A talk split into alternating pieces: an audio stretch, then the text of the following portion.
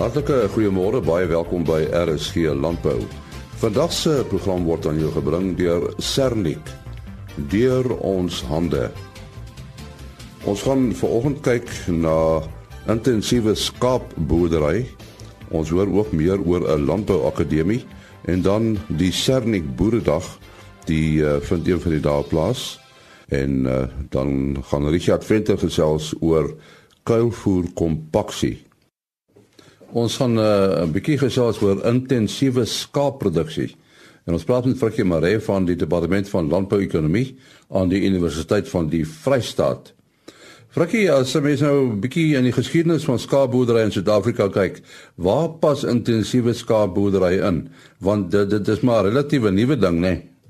En nee, dit is 'n baie nuwe ding as jy teruggaan in die geskiedenis toe Jan van Riebeeck in 1652 aan die Kaap gekom het was hier reeds Kaap gewees en een van die redes hoekom die kompanie reeds as stasie in die Kaap gestig het was as gevolg van die skape wat hier was en die teenwoordigheid van vars vleis. Nou hierdie inheemse skaap of soos van Riebeeck hulle beskryf het as harige skaap het behoort aan die Hottentot Hollande of die Hottentotte wat aan die kus was en Jan van Riebeeck het 'n skaap ingevoer uit Holland uit wat hy met hierdie plaaslike skaap gekruis het. Nou dit was egter eers hier in die 18de eeu of die 7de laat 17de eeu wat skaapboerdery regtig posgevat het toe hulle begin het om merinos in te voer en dormers en Spaanse merinos en die Karoo toe die groot skaapproduksie area geword. Nou vir 350 jaar het ons ekstensief met skaap geboer en hierdie intensiewe stelsel wat nou kop het steek is dis baie nuut. So ons het nou intensief teenoor ekstensief uh die die die name sê al klaar uh, wat die verskil is, nê? Nee? Nee ja, dis as jy dink aan intensiewe boerdery kan ons maklik assosieer met um, varke en hoenders, dis 'n groot klomp diere op 'n relatiewe klein area en jy voorsien basies in al hulle voedingsbehoeftes. Nou met intensiewe skaapboerdery is dit baie dieselfde, ook baie diere kleiner area en die meeste van hulle voer word voorsien. Nou omdat hulle nou op hierdie optimale voervlakke is, is dit moontlik om versnelde om lamtye toe te pas deur middel van KI en laparoskopie en jy kry dus meer lammers aan in 'n korter tydperk. So daar's nou al meer boere wat uh, met uh, die intensiewe skaapproduksie uh, aan die gang is. Hoekom dink jy is dit? En die dryf na hierdie intensiewe produksie dink ek is as gevolg van probleme waaraan met huidige ekstensiewe stelsels is. Die eerste ding as ons dink aan die grootte van grond, kommersiële plase het oor die tyd toegeneem in grondte aangesien die ekonomiese eenheid net groter en groter word. Nou baie ouens wat wil boer kan nie meer grond bekostig nie, alleen dit moet hulle meer produseer op die grond wat hulle het en hier pas dit goed in ander probleme soos diefstal en roofdiere word ook baie uitgeskakel aangesien die diere nou nader aan jou huis is, meer op kraal is gevoer word en dis minder blootgestel was aan hierdie elemente. Dink jy dit is die die skaapboerdery van die toekoms? Nee, ek dink as jy kyk na intensiewe boerdery, maak dit ekonomies sin en die ouens maak geld, dis ook jou kundige inset gebruik, dis toename in produktiwiteit, hulle kan hulle uitsette goed beplan dit is 'n stelsel vir die toekoms, maar ons gaan nie net na intensiewe stelsels beweeg nie. Suid-Afrika 'n goedkoopste hulpbron in terme van voer, bly nog ekstensiewe veiding en ekstensiewe produksie gaan dus voortgaan in die toekoms. Dit is net sekere mense of individue wat hierdie stelsel gaan gebruik om hulle produksie op hulle huidige grond uit te brei. Nou, is daar ouens wat wat die twee stelsels meng, met ander woorde ekstensief en intensief? Ja, en dit gebeur wel. Die lekker ding is as jy dit kan doen is dan kan jy jou droë oeye en selfs jou dragtige oeye op ekstensiewe weidings laat loop wat jou baie goedkoper is en dan 'n rukkie voor lam bring jy hulle basies terug huis toe, hulle lam die lamhokkies en jy versorg die oeye en die lammers in die intensiewe stelsel totdat die lammers bemark kan word. Nou dit skakel vir al jou roofdiere en um, probleme uit aangesien hierdie oeye nou naby aan die huis is, jou speenpersentasies um, is baie goed aangesien jou um, skaap van die begin af mooi versorg word. Ja, en julle is ook betrokke by die intensiewe skaapskool, né? Nee? En ja, dit is nou van 18 tot 20 April hier by die Universiteit van die Vrystaat in Bloemfontein. Ons sien geweldig uit na die skool en as ons vat die sitplekke was al in Januarie uitgekoop, 150 mense wat kom, so die belangstelling in die stelsel is definitief groot. Baie dankie. Dit was Frikkie Maree van die Departement van Landbou-ekonomie aan die Universiteit van die Vrystaat. Ons gaan nou 'n bietjie gesels oor omgewingsopleiding en die landbou. En uh, ons praat met Gys Botha. Hy is 'n uh, uitvoerende hoof van die Akademie vir Omgewingsleierskap daar in die Uppington omgewing. Uh, wat behels julle opleiding, Gys? En miskien moet ek net 'n tree teruggee en en vertel waarom het ons die akademie? Uh dan gaan ons makliker ook by die antwoord uitkom. Die basis van van ons van ons opleiding uh is om studente voor te berei vir hulle latere lewe, het sy beroep of uh akademies. Die situasie in Suid-Afrika is grootliks so dat 65% van alle studente wat uiteindelik al eerste jaar op universiteit of college kom, die kwalifiseer nie in hulle eerste jaar nie. Uh, hulle maak dit nie. Uh, praat jy met ouers van uh, kinders wat in matriek is, dan uh, is uh, die ouers al bekommerd want die kinders is onseker. Hulle weet nie wat hulle moet gaan doen nie. Hulle weet nie of baas moet gaan werk nie. Hulle weet nie wat hulle moet gaan gaan studeer as hulle wel uh, besluit om te gaan studeer nie. So ons het hierdie ongelooflike uh kurrikulum wat uh ons verlede jaar kon geakkrediteer kry by Departement Nasionale Opvoeding uh wat uit verskillende afdelings uit bestaan. Dit is die NQF vlak 5 uh hoër sertifikaat in bewaringsekologie. Soos jy weet is NQF uh, vlak 5 is gelykstaande aan 'n eerstejaars vlak op universiteit. Uh ons is geakkrediteer ten volle Ons is ook by SAQA geakkrediteer, ons instelling, met ander woorde ons institusie. So ons is ten volle wettig en wetlik om om uh, 'n kursus te kan aanbied. Uh en dit is 'n baie baie besondere kursus wat ons aanbied. En veral vir vir voornemende landboustudente of vir vir uh jong manne en dames wat uh, 'n jaar basiese opleiding wil hê en op 'n plaas of uh, wil gaan werk of iewers by die landbou betrokke wil wees. Julle fokus ook op 'n uh, op persoonlike uitbouing. Ja, ja, en nie baie sterk. Jy weet, weer eens om aan te sluit by my by my inleiding, uh en ons kan net oor praat oor wat die verskillende vakke behels, maar ons het 'n baie sterk akademiese onderbou wat ons net oor kan praat, maar die saam met die akademiese onderbou moet jy ook die kind voed. Jy moet ook hierdie jong mens, jong man, jong vrou moet jy groot groot maak. En en ons skop die jaar af uh, met 'n baie baie besondere uh uh oriëntasie oefening 2 weke lank wat ons 'n kundige span uit die Kaap uit kry uh om vir die studente op 'n wetenskaplike en 'n gestruktureerde manier 'n oriëntasie en spanbeoefening te doen. Dit behels uh 5 dae se roeie Oranje rivier. Dit behels 3 4 dae se verblyf daar in die Grootdrink omgewing op 'n baie besondere Kalahari plaas waar hulle in die aande in die veld slaap, waar hulle na die sterre kyk, waar hulle span. En in daai 2 weke doen hulle psigometriese toetse. Hulle doen ook uh, vraelyste oor beroepsvoorkeure en dan reg hierdie jaar word daar met die span sowel as met elke individu gewerk om uh die uh, uh span of die groep se se persoonlike ontwikkeling te doen. Met ander woorde om die individu se selfvertroue te laat groei, sy sosiale intelligensie te ontwikkel, hulle meer weerbaar te maak vir die toekoms, vir as hulle hierdie jaar klaar is dat hulle meer weerbaar is en sterker uh is en meer ingelig is om hulle eie besluite te kan neem oor hulle oor hulle toekoms. So so dis die totale pakket van akademie en die ontwikkeling van die van die individu. Jy het gesê jy gaan so 'n bietjie gesels oor die vakke wat aangebied word. Ja, en nie die die vakke as ek breedweg kan sê, uh, miskien moet ek net die die breë kurrikulum eers gee voordat ek uh, vir jou uh meer detail oor die vakke gee. Die die die kurrikulum het so 5 6 komponente waarvan die uh belangrike in die basis van die van die kurrikulum die uh, akademiese program het. Ek gaan nou vir jou oor die vakke vertel. Maar dan doen ons ook navorsing. So ons leer die student hoe om uh dit wat hy in die akademiese kant leer hoe om ook navorsing te doen. Ons het die persoonlike ontwikkeling deel. En dan het ons wonderlike buitemuurse aktiwiteite. Ons doen 'n gekwalifiseerde noodhulp kursus.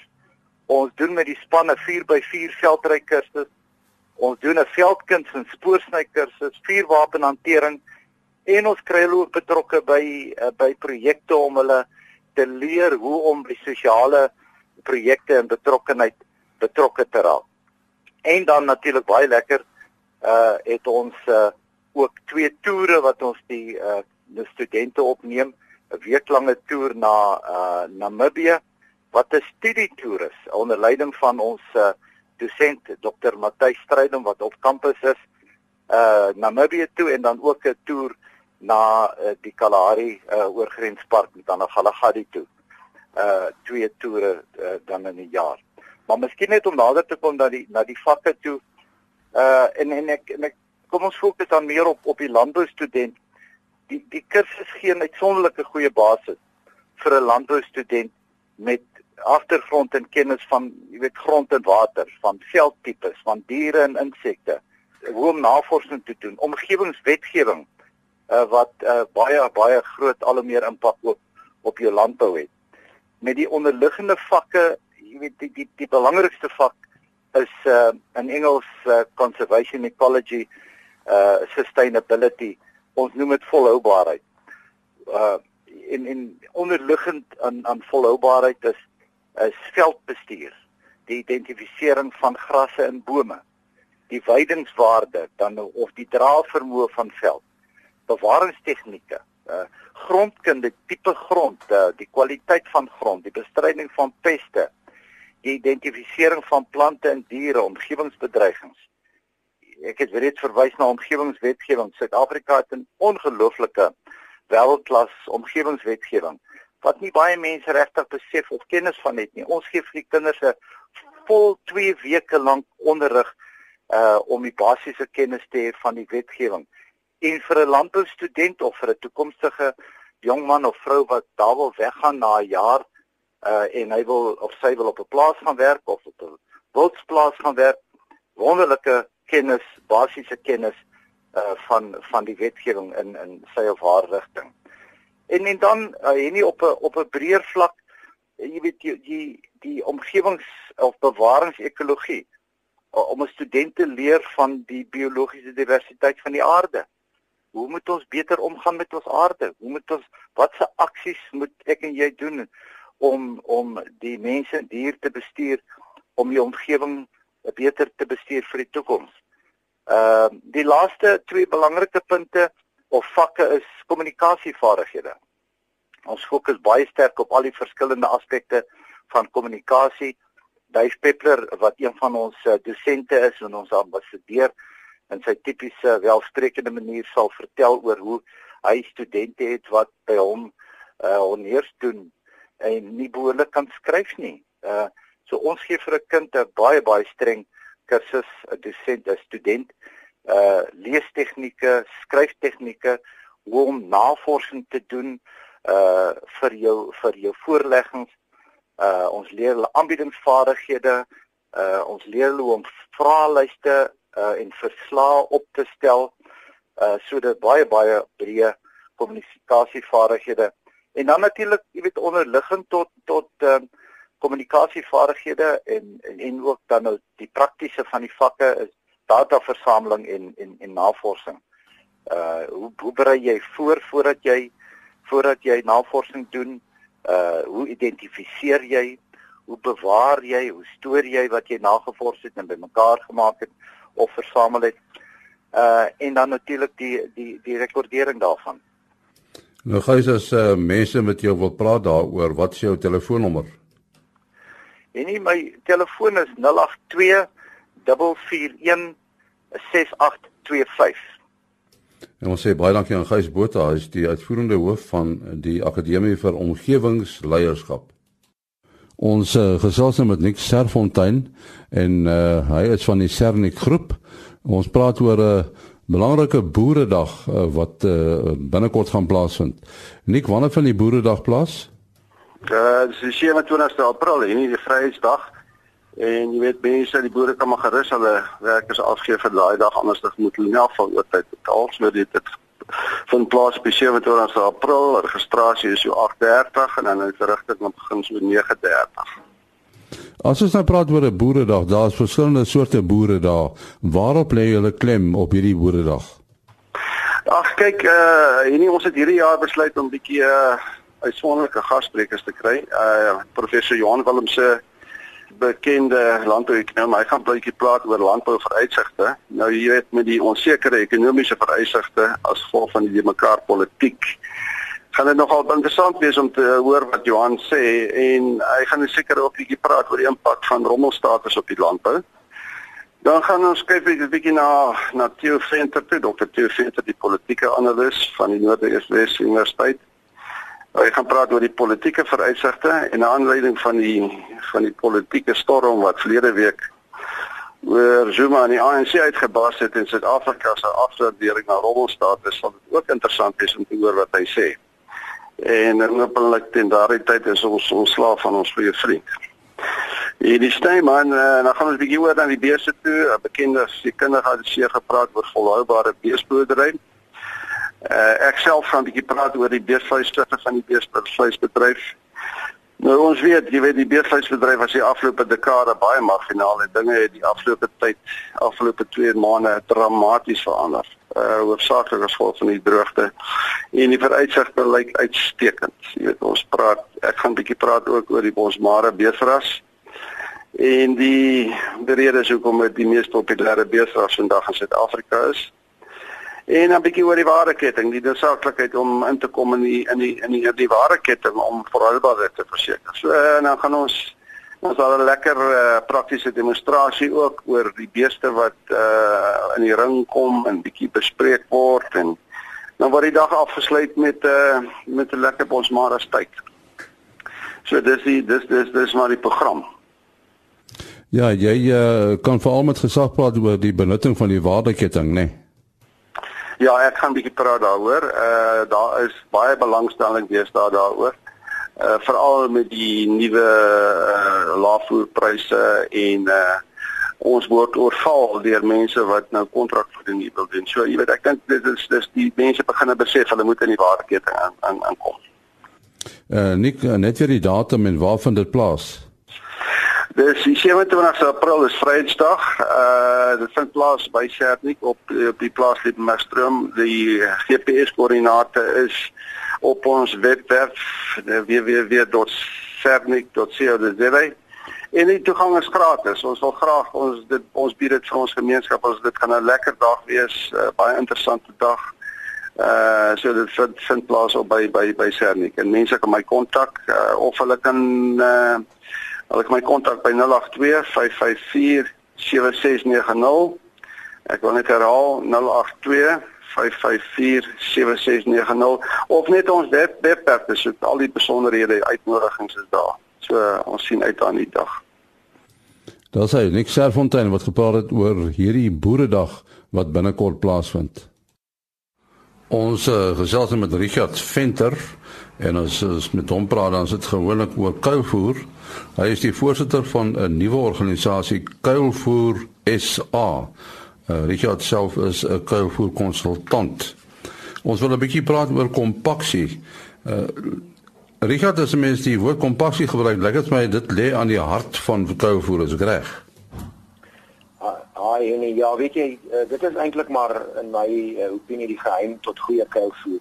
Uh, ons kan baie goed nog mee wegkom en ons kan met oor baie ander aspekte van kuilvoer gesels bietjie beter doen, bietjie swakker mee wegkom, maar kompaksie is die een wat jy nie meer kan wegkom nie en wat as jy hom gaan beter doen, dit altyd vir jou gaan terugbetaal. Uh vertel net, wat is kompaksie presies? So kompaksie is dan wanneer ons die plantmateriaal tydens die kouvermaakproses kompakteer. Uh gewoonlik is ons mos nou maar aan bankers of op hoope waar ons met trekkers bo-oor ry om dan die die kouver vas te trap. Die hele doel van kompaksie is eintlik net om suurstof te verwyder Ons weet dat suurstof die vyand is van kuilvoer want in suurstof se teenwoordigheid groei bederfsorganismes. Dis dan nou giste en swamme wat kan die kuilvoer bederf. So as ons uh, regtig wil die kuilvoer goed inkuil en suksesvol, moet ons dit baie goed kompakteer sodat ons daai suurstof kan verwyder. Is dit moontlik om om kompaksie te te, te meet? Ja, uh, nie ons ons kan dit meet. Ons ons boor gewoonlik 'n gat van bo af in die banker in Dis dan nou terwyl jy nog besig is om om om in te kuil of aan aan die einde en dan weeg ons daar eh, 'n uh, spesifieke volume binne in die boer se gewig, werk dit terug en ons uh, ons eenheid waaraan ons dit meet is kilogram kuilvoer per kubieke meter. Nou 'n goeie kompaksie op byvoorbeeld 'n mieliekuilvoer van 35% droë materiaal. So dis nou 'n ideale kuilvoer is so ongeveer 750 kg per kubieke meter. Maar dit is belangrik dat ons hierdie syfer altyd omskakel na die droë materiaal, met ander woorde sonder water, omdat jy nie met byvoorbeeld 'n droër kuilvoer noodwendig so 'n goeie kompaksie gaan kry nie. So daai selfde syfer omgeskakel is dan so 263 kg droë materiaal kuilvoer per kubieke meter. Uh, hoe hoe kompakteer mens uh, suksesvol? Uh, ons moet altyd fokus op uh, op 'n paar aspekte soos byvoorbeeld die die droë materiaal wat ek nou genoem het want as die kuilvoer droër is moet ons meer kompakteer. Dan kyk ons na die sny tempo, met ander woorde hoe vinnig kom die materiaal van die land af? As ons met groot selfaangedrewe masjiene sny, het ons 'n baie hoë sny tempo en dan moet hy ou byhou met kompaksie. Ehm um, en natuurlik sny lengte, dit is die partikellengtes van die voer. Dit speel ook 'n rol want hoe fyner jy hom sny, hoe beter kompakteer hy. En dan wanneer die materiaal dan in die banker aankom, moet ons dit dan nou kompakteer met trekkers en dit doen ons gewoonlik suksesvol deur meer meer trekkers by sit by te sit uh in enige van die uitdagende uh, situasies byvoorbeeld langer snylengtes of 'n baie hoë snytempo. Dit beteken ons moet meer trekkers by sit. Die traptrekker, die die kompaksie trekker is ook belangrik want hy moet verkieslik so swaar as moontlik wees vir die oppervlak waarop hy trap. Met ander woorde, jy maak 'n beter traptrekker van 'n van 'n dubbelwiel trekker as jy daai buitenste wiele afhaal en dieselfde gewig op 'n enkelwiel neersit en dis maar hoe ons die kompaksie bestuur. Uh, hoe kompakteer jy ouens oor die algemeen? Ons as ons kyk na die data van die Suid-Afrikaanse uh, nasionale koue kompetisie saam met Santam Landbou, dan uh, sien ons dat ons eintlik op mieliekuilvoer nog bietjie agterteiken is uh, op 'n gemiddeld. Uh, op voersorg van kuilvoer is ons eintlik ver agter wat eintlik nie glad nie ideaal is nie. Uh, ons het verlede jaar wel gesien dat op die haverkuilvoer was die boere so rapsie oorteiken geweest. So ek dink dit verskil maar jaar tot jaar en maar dit gaan absoluut oor die fokus en die aandag en die tyd wat die boere op spandeer. Jy praat van uh, oor en onder teiken. Wat bedoel jy presies? Wel, daai teiken is dan daai daai teiken gewig van 263 kg per kubieke meter droë materiaal. As ons as ons oor die teiken is natuurlik doen ons goed want dan het ons 'n baie goeie kompaksie en dan is basies al die suurstof uit die banker uit verwyder. Maar as ons daai teiken nie haal nie, dan beteken dit daar's nog 'n klomp suurstof teenwoordig binne in die banker. En as daar suurstof teenwoordig bly, dan neem die bederfsorganismes se getalle eers toe voordat hulle uiteindelik begin afneem dit kla ons dan wanneer ons kuilvoer oopmaak want dan beteken dit daar's baie hoër belading bederfsorganismes binne in daai banke. En daai kuilvoer gaan basies vinnig agteruit gaan en uh, en warm word en selfs vrot. Ons sê dankie aan uh, Richard Venter. Hy is uh, die voorsitter van 'n nuwe organisasie Kuilvoer SA. Ons uh, gaan nou 'n bietjie gesels oor 'n interessante onderwerp en dit gaan oor die belastingjaar teenoor die finansiële jaar. Ons praat nou met Frans uh, Krause, hy is by die departement handelsreg aan die Universiteit van Pretoria. Dit klink of dit 'n redelike maklike ding is om oor te praat Frans, maar hoekom praat ons van 'n belastingjaar en dan daarteenoor 'n finansiële jaar? Ja, hierdie onderwerp is eintlik meer gemik op doeltreffende finansiële bestuur as wat dit is op uh, belastingdoeltreffendheid. Die uh betekenisvolle finansiële state is nodig vir doeltreffende finansiële bestuur en 'n grondbeginsel van finansiële state is die paringsbeginsel. Dit is in Engels matching waar die inkomste en die uitgawes wat verband hou met mekaar in in die finansiële state bereken word. Nou soos ek gesê het, die belastingjaar van natuurlike persone, dit is nou mense van vlees en bloed eindig op die laaste dag van Februarie. En hulle het nodig om finansiële state ter ondersteuning van die belastingopgawe op te stel.